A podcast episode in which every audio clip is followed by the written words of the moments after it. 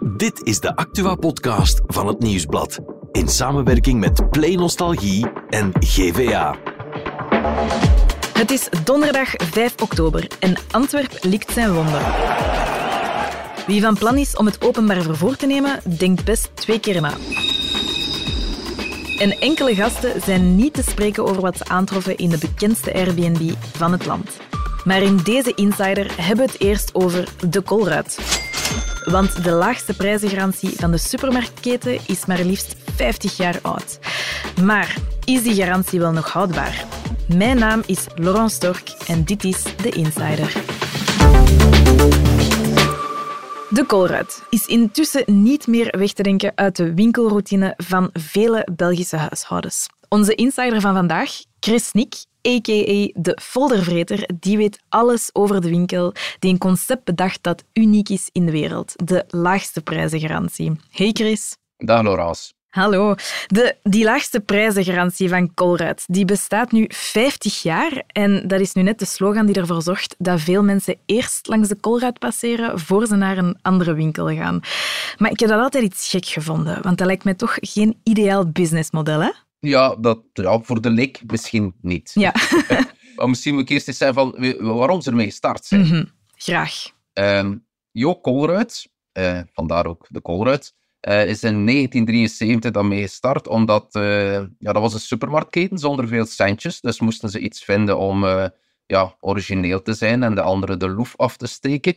Dus dat werd een discounter, supermarkt met goedkope producten. En de belofte van, kijk, wij zijn goedkoper dan de rest. Ja. In plaats van veel reclame te maken, lokten ze zo klanten. Maar ja, als je dat belooft, dan moet je dat waarmaken. En zo is de laagste prijzengarantie ontstaan. Oké, dus de laagste prijzen, maar hoe verdienen ze daar dan aan? Supermarkten zijn al even uh, aan het klagen van wij verdienen geen geld. Dan kun je denken van, hoe kun je dan verdienen als je nog eens onder de rest gaat? Mm -hmm. uh, heeft daar uh, ja, een paar redenen voor waarom, waarom ze daarin slagen. Ze, ze drukken hun kosten.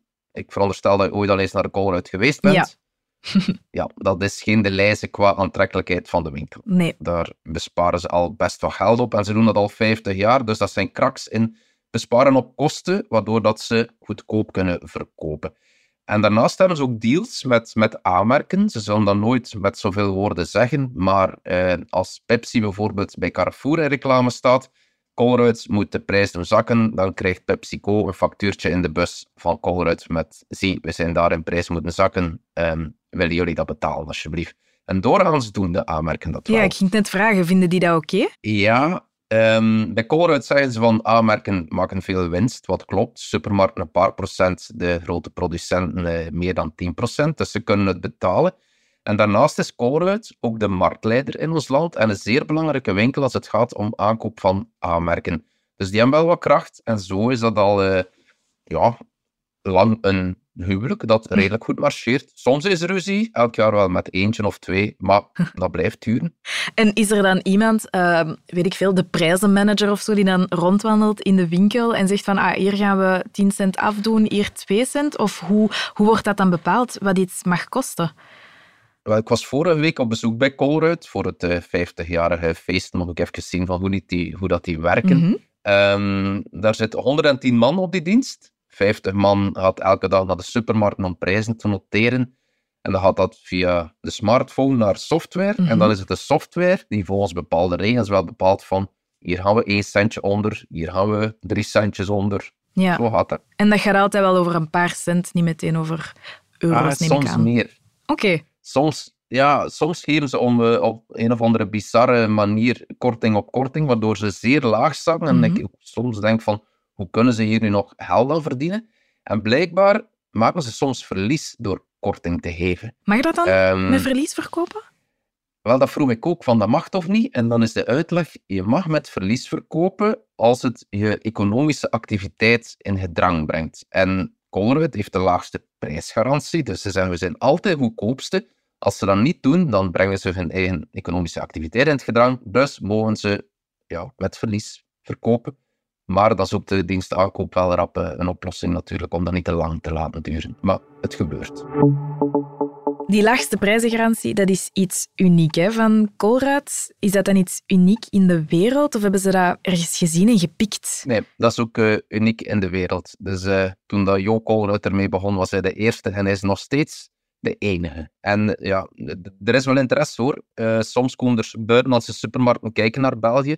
Want Colruyt, mm -hmm. ja, marktleider, dus moet zijn dat het systeem marcheert. En ja. ik heb een paar experts ook daarover gebeld en die zijn ooit eens met een, uh, denk Zuid-Amerikaanse of Zuiderse supermarkt hier komen kijken. En de letterlijke woorden waren van, mensen winkelen hier in een silo. Hoe doen jullie dat? dus ja, dat krijgen ze daar niet verkocht, maar dat is natuurlijk wel cruciaal voor het systeem ook. Hè. Uh, mm -hmm. kosten en al uh, lage kosten. Dus uh, ja, het lukt niet zomaar ja. om het ergens anders te copy-pasten. Nu, zij hebben het dus niet gecopy-paste, maar een andere winkel kan dat wel eigenlijk. Hè. Als ik een winkel zou openen, kan ik dat ook eigenlijk nadoen. Hoe zit dat met die concurrentie dan? Um, ja, hier in België is er ook niemand die het, die het probeert om de laagste prijsgarantie te geven. Maar mm -hmm. ze proberen natuurlijk wel om ja, Colruyt te pakken. Hè. Um, ja. Colruyt is de grootste. Ja, iedereen wil de grootste zijn. Dus uh, mm-hmm. zijn ze Colruyt en dan vooral die laagste prijsgarantie aan het viseren. Want dat is ook wel een beetje een zwak punt van, van Colruyt. Dat kost een geld altijd mm-hmm. uh, onder de prijs gaan. Um, en, en ze doen dat zeer duidelijk door, door zeer specifiek uh, producten eruit te kiezen. Um, voorbeeldje, um, M&M's. Daar zijn ja. drie kleuren van, de zakjes. Geel, bruin mm-hmm. en blauw. Um, laten we inbeelden, Colruyt heeft alleen de gele zakjes. En Albert Heijn heeft ook de, de blauwe en de bruine. Wat zal Albert Heijn doen? De hele zakjes zeer laag in prijs zetten. Uh, Colruyt moet volgen. Um, maar Albert Heijn zal de blauwe en de bruine duur verkopen. Dus daar maken zij winst op. Maar ja, Colruyt heeft die andere niet. Dus ja, die gaan krap in die marges. En iedere supermarkt doet dat zo'n beetje. Pro probeert Colruyt uiteindelijk zo te dwingen om om lage prijzen en ook kleine marges te hebben en hoopt ze zo kleiner te krijgen, wat voorlopig en nog niet echt. Ik ging net vragen, lukt dat ook of is dat nog moeilijk? Nee, Colruyt heeft net weer 1% extra marktaandeel uh, bij. Um, ja. En, dat is, ja, en dat is eigenlijk tof voor ons klanten, want volgens mm -hmm. de directie van Colruyt zorgt dat ervoor dat de anderen ja, die willen dat stukje terug. Hè. Dus de volgende ja. weken dit najaar verwachten ze zeer veel promo-geweld. Dus uh, ja, goedkoper shoppen. In de andere winkels. Ja, ja, ja. dus er zullen zeer veel uh, straffe promoties zijn. En dat kun je nu al zien, hè. 2, 2 plus 3. Uh, ik zie het regelmatig al bij, bij Carrefour, maar ook bij de Leize. Uh, ja, die zijn zeer hard bezig en zullen waarschijnlijk nog even hard doorgaan. Je noemt Albert Heijn, de Leize, Carrefour. Dat zijn allemaal winkels die er wel al eventjes zijn in ons land. Maar dan denk ik ook aan de Jumbo. Dat is vrij nieuw en die zetten daar ook heel hard op in, hè, op die prijzen. Is dat dan een grote concurrent? Well, Jumbo probeert hier ook voet aan de grond te krijgen. Is wel nog klein, maar het klopt. Ja, het is, het is weer een speler bij. Uh, Intermarché komt uit Frankrijk. Uh, probeert hier ook nog wat meer voet aan de grond te krijgen. Dus het is, het is mm-hmm. allemaal extra concurrentie. Ik heb dat ook gevraagd aan de mensen van Colruyt. Van, ja, dat, dat, dat wordt allemaal wat veel. En die zeiden van, oh ja, concurrentie die, die komt en gaat. Want ja, je zegt nu Jumbo en ik zeg Intermarché, maar Louis de Leijzen die waren onlangs in het nieuws. Ja, die hebben net uh, 57 winkels aan Colruyt verkocht. Dus er komt concurrentie ja. bij, maar andere sneuvel. Want dat is een beetje het slagveld van de, de supermarkten hier uh, in België. Chris, het is een concept dat 50 jaar geleden bedacht werd. Ik was toen um, belangen nog niet geboren. En jij ook nog niet. maar is dat een concept dat nog houdbaar is? Wel, die vraag heb ik ook gesteld aan, aan uh, een paar experts. Orit zelf zegt, ja, ja we kunnen nog 50 jaar aanbreien, uh, bij wijze van mm -hmm. spreken. En experts zetten er een paar vraagtekens bij. Zeggen van, ja, je hebt die producent nodig. Het systeem bestaat bij gratie van de aanmerking. Dat heb ik daarnet uitgelegd. Uh, ja. Zolang dat die dat financieren, zolang dat Colruyt de grootste is, zolang dat dat huwelijk blijft marcheren, zal dat, zal dat wel lukken. Um, en zolang de concurrentie ook de, de poten onder de tafel niet volledig wegzaaft, zal, zal dat ook lukken. Dus ja, ik, denk van wel, ja, voorlopig werkt het nog altijd. Zoals ze, ze, ze blijven groeien, uh, ze maken mm -hmm. winst, dus uh, marcheert nog. Ja, nu als ik naar mijn eigen leven kijk, uh, ik woon in Antwerpen, maar ik heb geen koolruit in de buurt. Ik moet echt wel of naar Linkeroever gaan of, of ergens anders. Dat is toch opvallend voor zo'n marktleider die dan ja, de markt leidt. Ja, maar een koolruit is een grote winkel. Je kan die niet op de groenplaats uh, daar, daar. Nee. Uh, want dat kost superveel geld. Uh, en kosten is natuurlijk iets als ze klein willen houden. Maar Colruyt is meer dan alleen maar eh, die, die grote winkels. Ze hebben ook nog OK en Spar. Mhm. Ehm, er komen er nog bij, want ze hebben eh, Louis de Leijzer de Match en Match overgekocht. Ja. Maar daar hebben ze voor de duidelijkheid die garantie niet. Dus een OK is niet goedkoper dan, ik zeg maar iets, een, Carrefour of een de Leijzer. Allee, mogelijk wel, Ja. hè, maar die, die garantie is er niet. Dus bij de Spar is dat ook niet.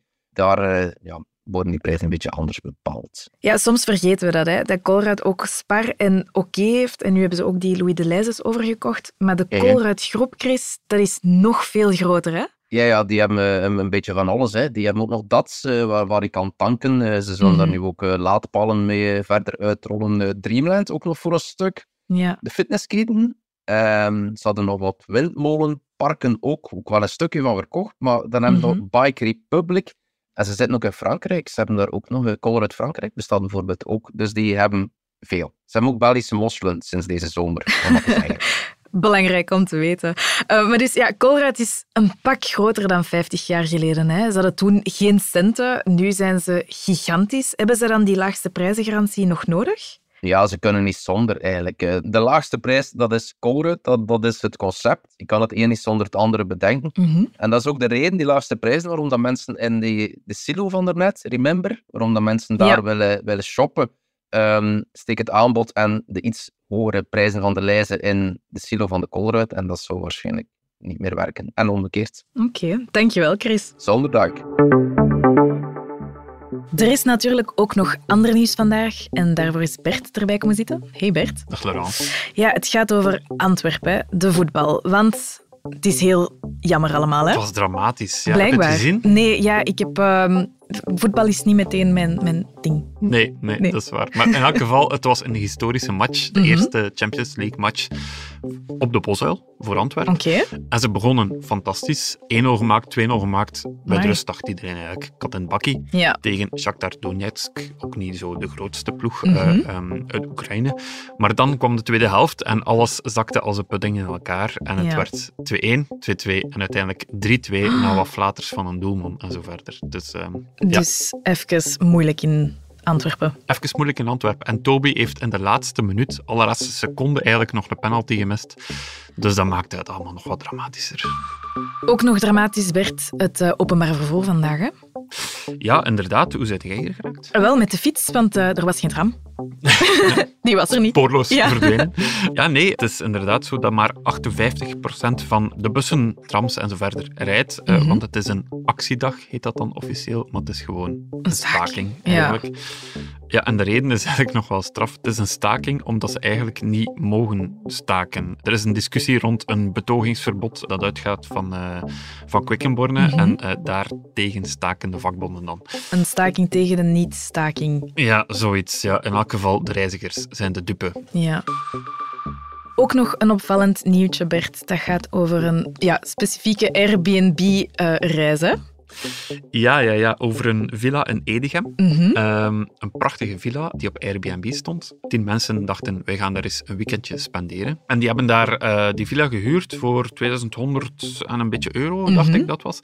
Wat bleek toen dat ze daartoe kwamen, dat huis was helemaal niet in orde, zeer vuil. Eh, het zwembad was gewoon, ehm, er lag een gifgroene drap erop. Ehm, het huis was volledig smerig, er zaten honden en zo verder. Er lag zelfs nog een koek op de grond.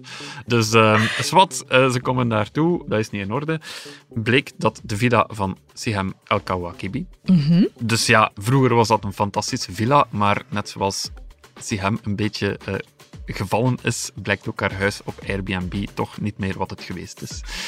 In elk geval, die mensen hebben daar wel klacht eh, tegen ingediend eh, Mhm. bij Airbnb. Die hebben al hun geld teruggekregen. Dus het systeem van Airbnb blijkt dan toch te werken. Maar ja, het is wel eh, een opvallend verhaal. Ja, het is ook jammer voor die mensen natuurlijk. Je denkt even te gaan relaxen. Ja, En dat gaat dan niet. nee, zeker niet in een gifgroen zwem. What are you doing in my swamp? Oké, dankjewel Bert.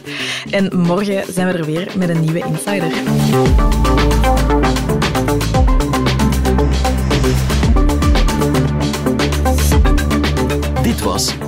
Insider, een podcast van het Nieuwsblad in samenwerking met Play Nostalgie en GVA. De muziek is van Pieter Santens. De montage gebeurde door House of Media. Wil je reageren? Mail naar podcast.nieuwsblad.be.